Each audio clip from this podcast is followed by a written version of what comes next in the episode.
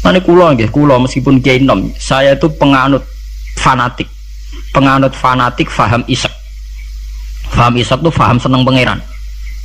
Kulo nu didik anak kulo, didik bojo kulo, dek kowe aja geman seneng santri, aja geman seneng pengaruh. Dari segi mereka itu pengaruh kita. Kita seneng mereka atas nama konco ngamal. Nggih konco napa?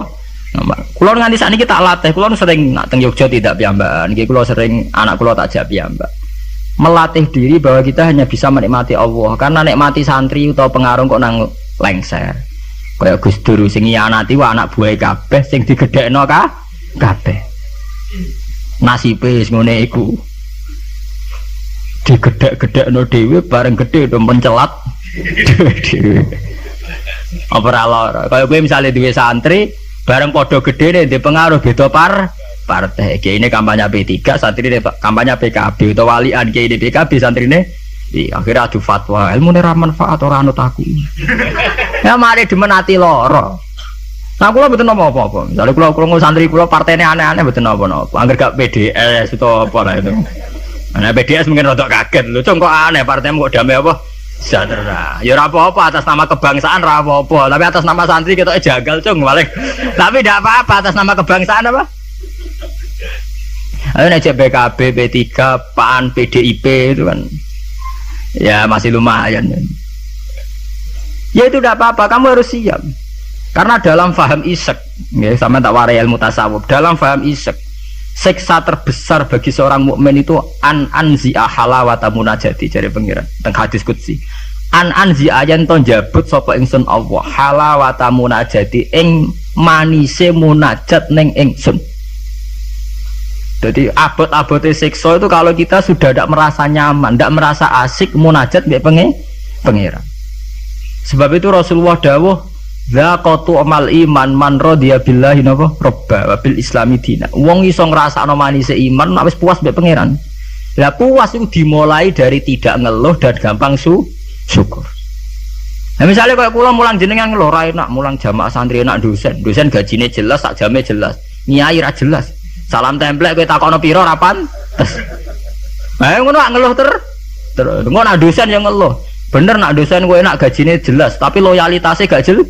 Nah, sewantri kan wani mati. Nah, masih sama wani mati demi dosa ini. Ngeluh pisan. Di bojo ayu ngeluh, ra enak di bojo ayu, rawan selingkuh, rawan disenengi wong. Mau di bojo elek ra enak di bojo. Nah, ora ono bare. Mana bener pangeran diancam inna adzabi napa? Tasati. Dia angkat terkungkung terus oleh siksaku. Mergo ya mesti Lho kula niku tenan. Kula niku sering dilapuri kalian kanca angkatan kula. Gus jenengan nyai kok puide kok ora masalah. Lah piye nek di masalah?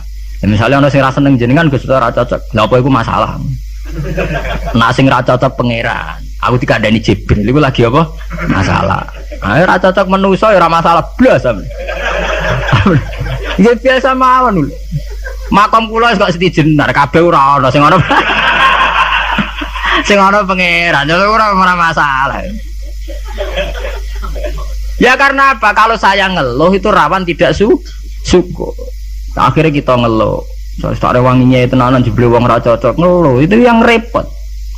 Mana gua pede mawon, sulon ngaku madzhab Quran wa ama bini mati kan apa? Kalau ngalim ngaku ngalim dia dua ngaku napa? Dia dua. Aku nara dia dua malah menengah ae. Kula nu syukur. Pede kula nyen pede.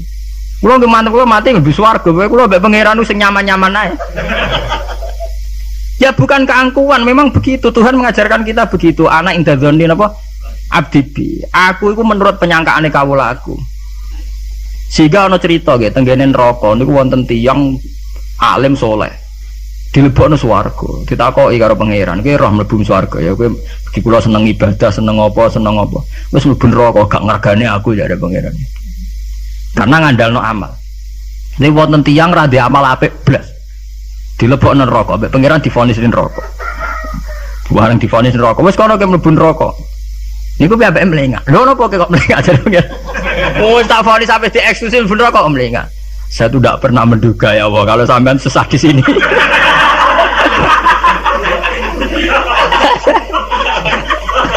Oh, mboten nate terbersit pikiran kula nak jenengan sesadis ini sejahat. Akhirnya pikiran dia wis swarga. kemiskinan kula niku. Lho kula nggih, zaman rong pati ngalim lagi ndelalah niku seneng kula ngoten. Kula nganti sakniki kiai ge pede, jare wong cek kiai nom Jawa ora urusan kula. Kula kiai ning Yogya, ngomponakane sultan barang do ngaji kula ora urusan. Kula kula pede. Nah, tidak mau bupati pede cara kulo, bupati lagi pejabat cara pangeran, ini pejabat cara pangeran, kalau pede mah. Kulo yang ditawari pengurus NU teng Kragan teng Rembang, buatin derek pengurus NU Gus, ya jelas aku NU, rasa pengurus, peng, pengurusnya pangeran, ngajar no ilmu ini apa? Pangeran. Dalam kitab-kitab begitu tuh banyak sekali cerita betapa pentingnya khusnudan kepada Allah. Sampai itu tadi, ketika harus jelas-jelas ini fonis neraka melengah, melengah itu Udah itu kecewa kecewa pangeran sing disangka ndak sesadis itu. Ma'adzun nubika ya Allah ila khairan. Saya itu tidak pernah ngira kalau jenengan akan ses langsung pangeran di bonus warga. Banyak cerita-cerita secara hadis kutsi begitu. Wonten tiang sing ngregani posisine pangeran tuh rata-rata masuk surga. Termasuk ceritanya Kanjeng Nabi, ana rajulun mimbani Israel itu di lebokno swarga mergo wasiat aku nak mati iku gerus ning bumi terus nek dadi abu sebarno ning laut ketika pangeran takok lho kowe nganti ngono asal usul iki asal kula sungkan mek jenengan mergo ora tau ngamal ah apik Gue pikiran dilebokno swarga, ora gampang sungkan nganti ngono. sungkan lah jenengan. Wong nafsiri malah wakhofata iku wedi, pas iku sungkan, sungkan lah jenengan niku. Mboten nate ngamal apik napa? Sungkan ora jenengan. Memang kan dulu swarga. Anak idadoni napa? Sampai Abdul bin Mas'ud itu apa mati niku ngomong do nangis muni. Kowe ora usah nangis ya aku, aku mesti mlebu swarga. Ketika ditanya kenapa sampean PD begitu, Wakat kolar Rasul la yamutan ahadukum illa huwa yusinu dzanna napa? Billah. Aja geman kowe mati kecuali dalam keadaan husnudzon mbek pengen kita harus yakin kalau dengan Allah itu baik-baik saja. Gunanya apa kita diajari bedina baca Bismillahirrahmanirrahim. Nah ngono ki Qur'ane genti ya Bismillah sadidil ikop tau apa. Eh, itu kan ngapain dari dulu setiap ayat diwarai Bismillahirrahman Rahman ya Rahman, Rahim ya Rahim. Artinya akeh welas, ya ora akeh siksa. Sana. Kulo nabe santri-santri sing ngelung tak dikti. Lah nek kowe model kiai ngono lho apa kowe ada ngaji Ar-Rahman Rahim. Menisane bismillah ganti bismillah syadidil iko bismillah sari ilhi hisab. Nah, kalau sering itu tak kok. Nah, jenengan apa rawat disalah? Ya ora, rawat di biasa. Wah, repot. Salah ibuan pangeran ben nyepura. Kemudian cerita tentang hikam nih. Ini cerita tentang hikam. Nasi bodoh ini buat gula berarti hikam sih bodoh nih buat gula. Wonten wali dungo teng multazam. Multazam mak tempat mustajab. Karena dia wali masuk dungo juk duit ya ora pantes. Wali kok jaluk apa? Duit jaluk dunia dengan ya Allah saya hanya minta satu hal ini ku kulo selamat no saking durakani jenengan jadi sauri urip kulo buat nanti maksiat teng jawabnya pengiran nganti Nah, nak ngono sifat gofur ku rak nganggur. Anane sifat nyepuro mergo ana sa salah. Lah nek ora tau salah sifat gofur ku rak napa? Nganggur. Ya kita manfaatkan. Jabe pangeran fa'ena adau ghufrani terus sifat ghafurku tak ada kok. Endi? Jadi kita harus begitu harus sunudzon. Kita toat, kita tetap menjauhi zina, menjauhi maksiat. Kita toat tapi karena sungkan penge, bukan karena takut pangeran kok Hitler nak salah sidik nyekso, nak salah sidik nendang pun kita tidak maksiat itu bukan karena takut Tuhan dengan artian bahwa Tuhan itu seneng nyoal, seneng kecangkeman, seneng ribet tuh ndak. Kita menghormati Tuhan sebagai posisi itu Tuhan. Jadi kita takwa krono ngormati posisinya pangeran, bukan karena kita takut pangeran kecangkeman. Senengane kok KPK sidik-sidik di au audit, ndak usah begitu. Kita itu asik dengan Tuhan itu karena ngergani posisi pangeran. Kalau wawah, kalau wani sumpah, saya itu bayangkan andekan nyolong utawa zino. Andekan. Itu saya tak ini buatan dosa zino atau nyolong. Kalau wedi terus gak nyaman kumpul pangeran itu saja. An anzia halawatan apa? Ya Allah saya ini takut kalau saya maksiat kemudian di hati saya sudah merasa tidak asik dengan engkau, dengan jenengan. Jadi kalau niku nak melihat maksiat ya kayak saya itu ya begitu mang. Kalau niku anggap apa ngeluh utawi apa maksiat ini tak ini namun kan. Ya Allah jangan-jangan saya ini sudah tidak bisa asik dengan jenengan. Kalau nu setuju ya mazhab-mazhab isek yang kayak di hikam, kayak di ihya, di justika itu ada kitabul iski, isek sayang dengan Tuhan itu harus kita kembangkan. Wonten ulama ini ulama sufi sangi senengnya pengiran ya, nak dalu. Ini perpak pelepok biamba, tapi kalau setuju mazhab. Lah dia orang wiridan buatan, moro gunung. Boleh waktu sing gede. Lha ini tenan nih, gue tenan terguyon nih. Ada kan harus nguatek omongan pelepak pelepok. Nabi wali deh. Jadi wali mereka pelepak pelepok. Nah, kalau ini agar tangis setengah apa apa tuh gak ngopi, gitu kok kopi sing larang, ini SKP pokoknya sing larang. Ya gerban ini gak ngopi, kalau jarang tajud gak ngopi, ya asik be pangeran. Badan itu ya sholat tak kadare pun Kalau ini dua dalil. Karena inti daripada munajat itu adalah atadzal billah, wa ta'annus billah, al istiqnas billah, wa nyaman dengan Tuhan. Seorang sufi itu kalau dia itu golek watu sing gede terus ngadeg. Aina mulukul ardi fi hadil lazza. Ndi enak dadi raja. Dekne ku janggal, ono dari raja kok enak numpak mercy, presiden kok enak numpak mercy di pun bupati enak dadi wong sugih. Mergo kowe ora tau ngrasakno enake dadi wong mukmin nek mati penge. Mestine kowe pede enake dadi wong mukmin. Enake nyaman mbek penge pangeran. Sampe delok teng kitab-kitab kados teng taklim mutalim sekalipun ono cerita aina mulukul ardi fi hadhil Ladha. Endi raja-raja? Enake ning ndi dadi raja? Enake ning ndi dadi wong sugih? Ndak ngalahno nikmat kuwi iki. Lan kula mboten saged bayangno enake dadi kiai gedhe kiai cilik mboten saged. Nggih bayangno enake wong seneng pangeran niku. Saya saya pernah punya kakak wakil bupati. Saya kenal sama menteri. Tapi mboten nate kula ngrasa enak dadi menteri iki biasa mawon. Selagi aku cek seneng pangeran ya enak titik. Makanya istilah kajian Nabi Zakotu mal iman man dia bileroba. Iman itu harus ada rasanya. Mungkin kamu iman secara intelektual. Kayak santri-santri ya iman kabeh secara intelektual, tapi murni kering. Yaiku iman nak pangeran ono. Mergo dalil al alam mutaghayyir wa kullu mutaghayyir hadis wal hadis la mudda ayakuna min muhdis. Iku jenenge iman kering. Wae dene ono pangeran percaya mergo alam mutaghayyir. Nak mutaghayyir barang hadis. Nah hadis butuh muh Nabi tidak pernah mengajarkan begitu. Iman tuh harus sampai dakotuk mal iman, harus ada rasa rasanya. Lah rasanya iman dimulai sangka nyaman baik pengiran. Rodia billahi napa? Robban. Sebab itu Quran diulang-ulang. Walladzina amanu asyaddu hubbal lillah. Kalau wis mukmin tenan tuh nyaman dengan Tuhan. Sebab itu tengene surat Al-Bayyinah nggih ngoten. Nyeritakno wong mukmin sing khairul bariyah. Innalladzina amanu wa amli solihati ulaika hum khairul bariyah ditutup napa radhiyallahu anhum wa radu ana terus zali kaliman khosya napa robba orang yang takut posisi Tuhannya. Ini sing disebut wa amma man khofa maqama rabbih wa nahan nafsa anil. Orang yang takut posisi Tuhan. Sehingga karena takut posisi Tuhan ini kemudian mereka wanahan nafsa anil. Jadi gampangannya orang maksiat itu mergo sungkan pangeran orang mergo wedi neraka Nah itu harus kita latih, ya kita latih. Meskipun gak usah wiridan mau, kayak ulama sing pelepak pelepuk nih dua waktu. Nah jari sarai ngeten, jari sarai. Kenapa kok milih waktu? Jari rojo itu nasike mergo lungguh ning kursi dhuwur, liane nengi ngisor. Anak ngono ora iso munggah gunung gak liane nengi ngisor. Jadi ya dia elmoni, disariati deh. Jari sarai itu cerita. Kenapa milih dhuwur gunung? Mergo dadi rojo iso mlepuk, kursine dhuwur iso didang Titik. Lah ngono kowe ora iso munggah gunung terus didang titik. Nah tapi kok edan, kok edan lah. Lah kowe tomak ambek keadaane raja edan. Kalau ukuran edan tidak rasional, misalnya ngene. Nah, tapi didang diting dian kok edan, Gus. Lah kowe tomak ning kenikmatane presiden, tomak ning kenikmatane wong sugih ku ya edan. Karena apa? Kamu ingin sesuatu yang tidak milik kamu itu ya tidak rasional. Wong kowe ra es kok kepengen seger itu ya tidak rasional. Tidak rasional kan ya edan padha. Padha-padha edan edan sing nikmat to. Padha-padha edan. Makanya diaran al majrun fillah atau ning kitab saya itu berjalan jadab. Dia sudah ketarik sama pangeran majdzubin.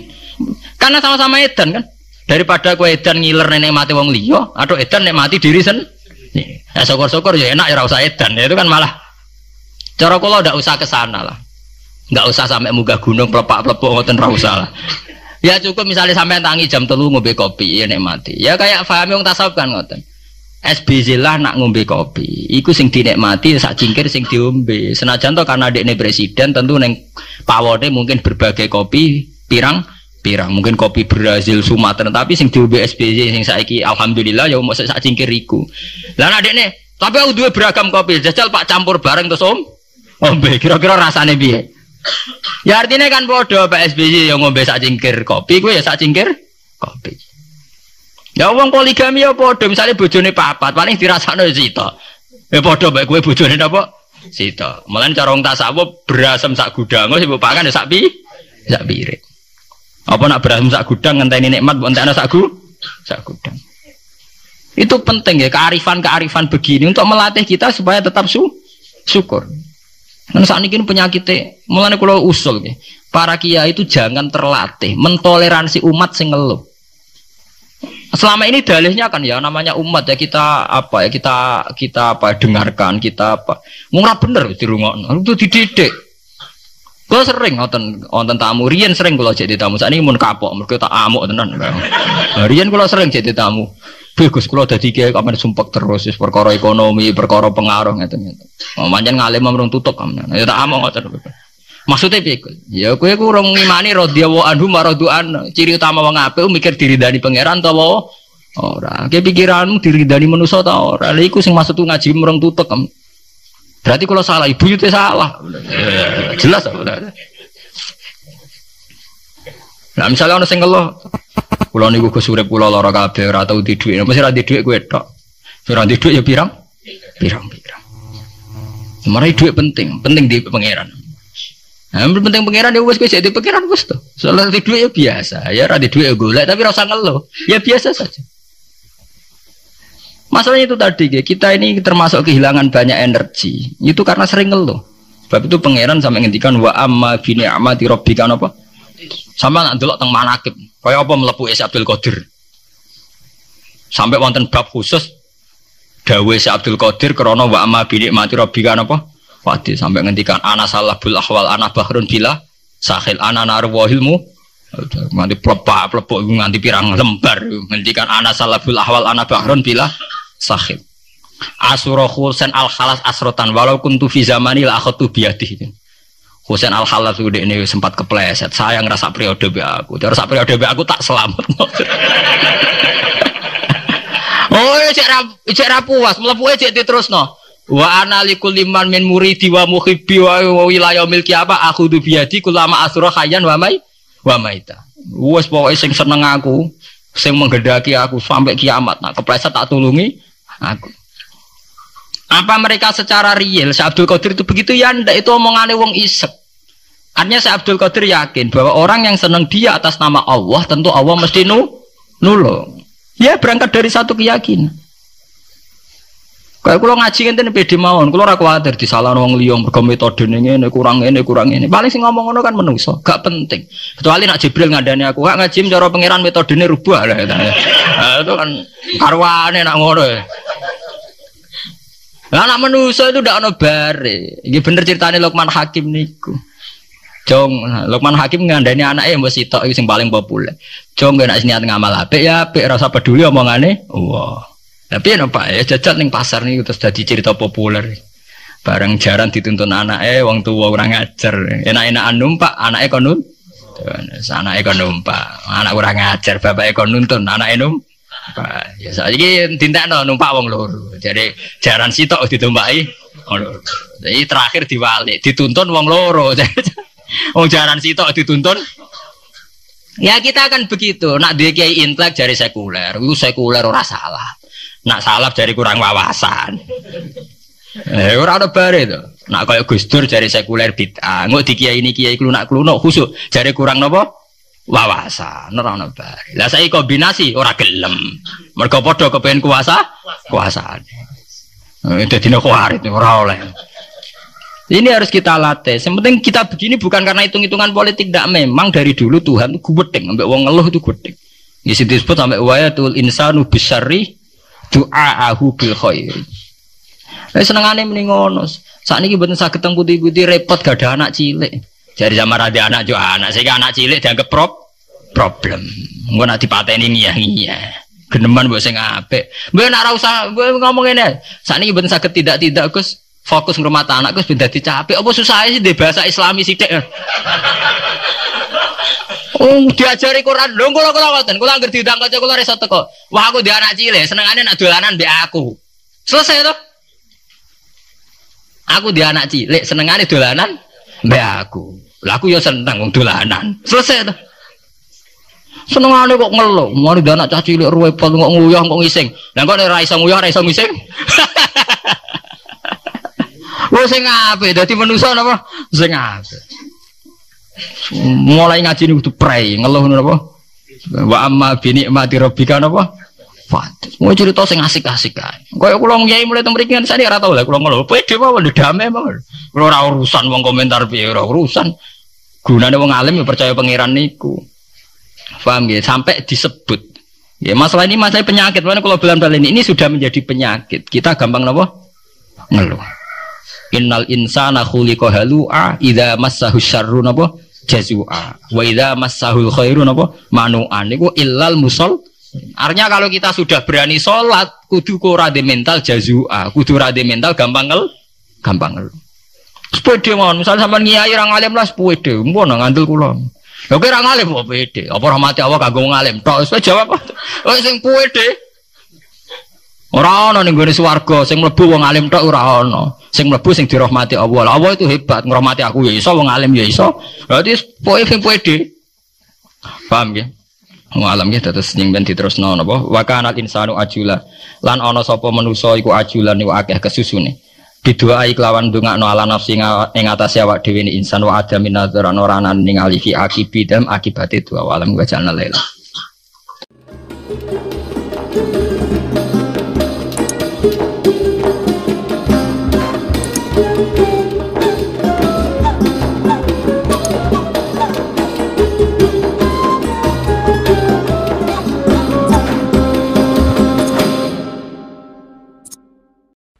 Ustadz saya mau curhat, tolong kasih masukannya Ustadz. Saya lagi dekat sama beberapa laki-laki. Ini berarti kan cewek kan? Laki-laki itu ingin serius sama saya. Bagaimana biar saya bisa memantapkan hati agar bisa salah, agar tidak salah memilih. Terima kasih Ustadz. Enak ya, tinggal milih. Masya Allah, barakallah fiq. Tapi jangan berlebihan dekatnya karena itu jadi sumber fitnah. Kalau kita memulai satu kebaikan dengan dosa, maka Allah cabut keberkahan. Itu udah pasti tuh. Contoh memulai suatu niat baik untuk menikah, tapi dengan pacaran atau berbuat dosa, maka nanti pernikahan itu akan Allah cabut keberkahan. Makanya muncullah cekcok rumah tangga sampai ke perceraian dan segala macam itu karena awalnya nggak baik. Kecuali orang yang bertobat ya. Kecuali, uh, eh, karena awalnya nggak baik. Kalau awalnya nggak baik, maka hilang keberkahan. Sedangkan kalau awalnya kita menjaga uh, batasan agama Allah, kita nggak melanggar, kita nggak uh, apa ya nggak nggak nggak nggak me mengecewakan Allah, maka nanti Allah yang akan menjaga pernikahan. Jadi kalau dekat jangan berlebihan. Terus gimana cara kita menentukan pilihan? Menentukan pilihan itu dengan tiga cara. Satu, minta petunjuk Allah namanya istikharah. Saya udah pernah jawab ini di live sebelumnya kayaknya. Minta petunjuk Allah istikharah. Kedua, minta petunjuk ulama namanya istifta. Nanya, menurut ulama di antara sekian banyak kriteria ini mana yang paling layak jadi imam saya atau makmum saya kalau dia seorang cowok. Minta fatwa dan nasihat dari ulama. Yang ketiga, minta nasihat dari orang yang lebih bijak dari kita atau yang tahu, yang kenal dengan masing-masing orang yang kita mau pilih itu. Ini namanya istisyarah. Jadi ada istikharah, istifta, istisyarah. Meminta petunjuk Allah, meminta petunjuk ulama, orang yang lebih berpengalaman atau lebih bijak. Dengan kayak gitu, mudah-mudahan kegalauan kita akan berkurang. Kemudian ada lagi yang nanya um,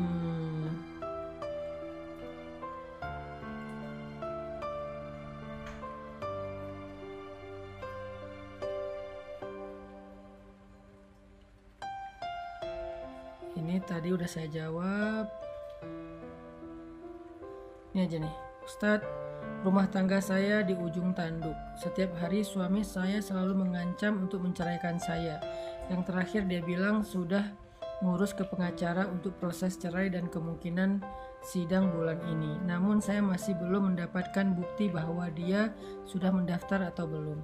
Awal cerita saya memang istri yang keras. Saya bukan terlahir dari keluarga yang islami. Wawasan saya tentang Islam dan sikap suami ke istri saya nggak banyak tahu. Saya semena-mena dengan suami saya. Hijrah saya dimulai, saya mulai meninggalkan pekerjaan dan banyak belajar mengenai Islam sampai akhirnya saya mendapat ujian hijrah. Suami saya ketahuan TTM-an dengan wanita lain. Jujur Ustadz saya sempat memukul dia gara-gara rebutan HP pengen tahu isi WA dia dengan wanita teman kerjanya itu. Saya sempat bertemu dengan wanita itu bertiga dengan suami saya, dan ternyata hubungan mereka masih berlanjut sampai akhirnya ayah saya yang bertemu dengan wanita itu dengan suaminya.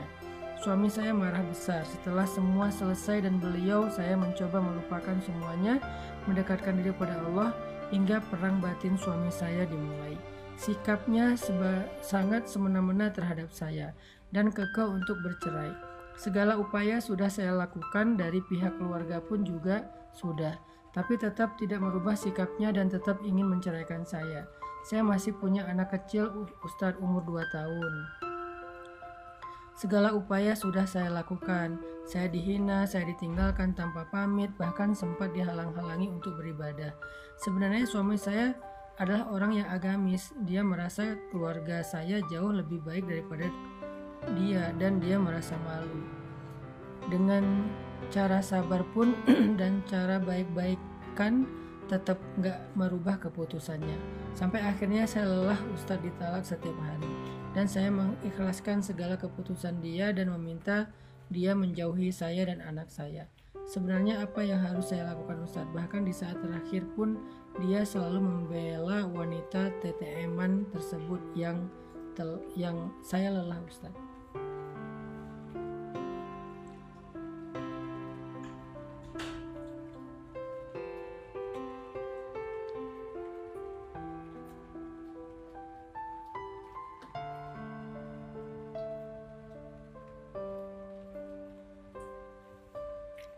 Pertama-tama saya pengen ngucapin ikut prihatin dengan kondisi keluarga Mbak dan teman-teman yang masih yang sama karena di sini ada beberapa curhatan masalah rumah tangga juga yang diambang perceraian. Saya ikut prihatin dan karena ini juga lagi hujan saya bareng-bareng deh yuk kita saling mendoakan ya.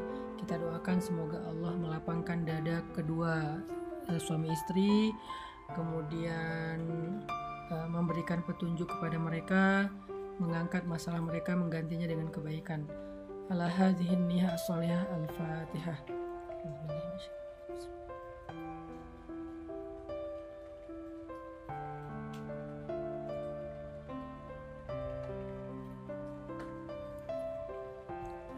Saya nggak bisa uh, ngomong apa-apa karena semua yang memang harusnya dilakukan oleh Mbak udah dilakukan doa, udah ibadah, udah bersabar udah menjelaskan ke suami udah mencari penengah dari masing-masing keluarga juga udah.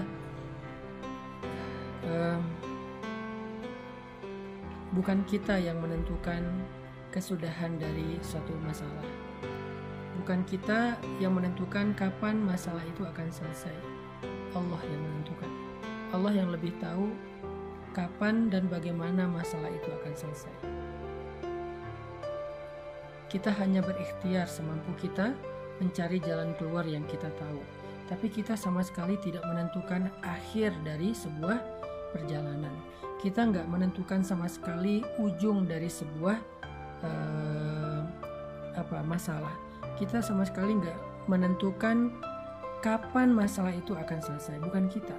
Tugas kita adalah berikhtiar dan bersabar.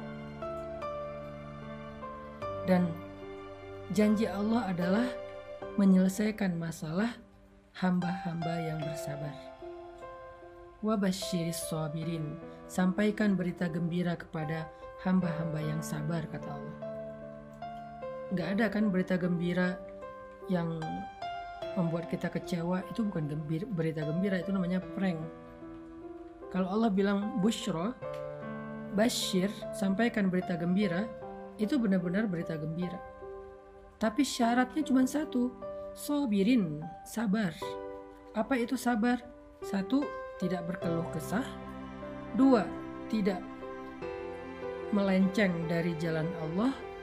Nggak berhenti beribadah nggak berhenti berdoa nggak berhenti taat. Dan tiga tidak apa uh, tidak berputus asa berputus asa itu nyerah udah nggak mau ngapa-ngapain udah nggak mau berikhtiar. Jadi syarat sabar itu tiga satu tidak berkeluh kesah kedua tidak uh, keluar dari ketaatan tetap taat jangan sampai gara-gara kita dapat masalah kita kecewa sama Allah terus kita jadi nggak taat itu berarti nggak sabar. Dan yang ketiga tidak berputus asa. Arti tidak berputus asa itu nggak berhenti untuk ikhtiar nggak nggak berhenti untuk berusaha yang terbaik dan berharap yang terbaik. Jadi cuman itu syaratnya sabar. Sehingga kalau kita udah memenuhi syarat itu sabar dan Allah lah yang menilai kesabaran kita. Bukan kita ya yang menilai kesabaran tapi Allah kita tuh kayak murid. Mana ada murid yang menilai diri sendiri kan? Kita tuh lebih rendah daripada murid. Murid itu masih lumayan. Kita tuh hamba budak. Budak itu tidak punya hak. Budak itu nggak nggak bisa protes. Nah cuman tuan kita adalah sebaik-baik tuan. Kalau budak itu memiliki tuan yang jahat kayak Bilal punya tuan Umayyah bin Khalaf kalau kita tuannya adalah Rob pencipta alam semesta dan dia Rahman Rahim Latif Rauf dan seterusnya. Sehingga untuk menentukan kapan akhirnya dan seterusnya enggak Allah yang akan menentukan. Kita nggak perlu menilai diri kita Allah yang menilai. Kita nggak bisa bilang saya udah sabar. Berarti kita menilai diri kita sendiri kan? Menilai kalau diri kita itu udah sabar. Kan gitu. Menilai bahwa kita itu udah layak. Jangan. Kita jangan menilai diri sendiri. Tugas kita tuh cuma ikhtiar sabar nanti Allah yang nilai. Dan gak usah khawatir Allah tuh gak pernah salah nilai. Gak mungkin Allah ngasih kita nilai C padahal kita A plus Gak mungkin Allah ngasih kita gelar orang yang berputus asa padahal selama ini kita itu udah sabar banget. Gak mungkin. Karena Allah itu maha teliti. Allah itu maha bijaksana. Allah itu maha tahu. Allah itu maha adil. Jadi nggak mungkin salah menilai gara-gara kayak nggak nggak apa nggak serak aja sama kita. Nggak mungkin. Maka karena kita yakin Allah itu maha adil, maha bijaksana, maha teliti, maha tahu, insya Allah penilaian Allah itu adalah penilaian terbaik. Apakah kita udah sabar atau belum? Biar Allah yang menilai, bukan kita. Nanti kalau menurut Allah kita udah disebut orang yang sabar, maka Allah akan tunaikan janjinya Bushro wa basyiris sabirin Sampaikan berita gembira kepada orang yang sabar. jadi saya nggak bisa ngasih masukan apa-apa karena semua yang harus dilakukan udah dilakukan sama mbak ini. Tinggal kuatkan kesabaran ya mbak. Mudah-mudahan Allah akan menilai mbak sebagai orang yang sabar lalu diberikan kejutan yang nggak pernah terduga-duga. Tingkatkan lagi ibadahnya banyakin lagi sedekahnya banyakin lagi istighfar atas dosa-dosa di masa lalu. Karena tidaklah seseorang mendapatkan masalah dalam hidupnya salah satunya kecuali karena dosa-dosa. Mudah-mudahan dengan banyak istighfar dan taubat, semakin berkurang dosa, semakin berkurang masalah insya Allah.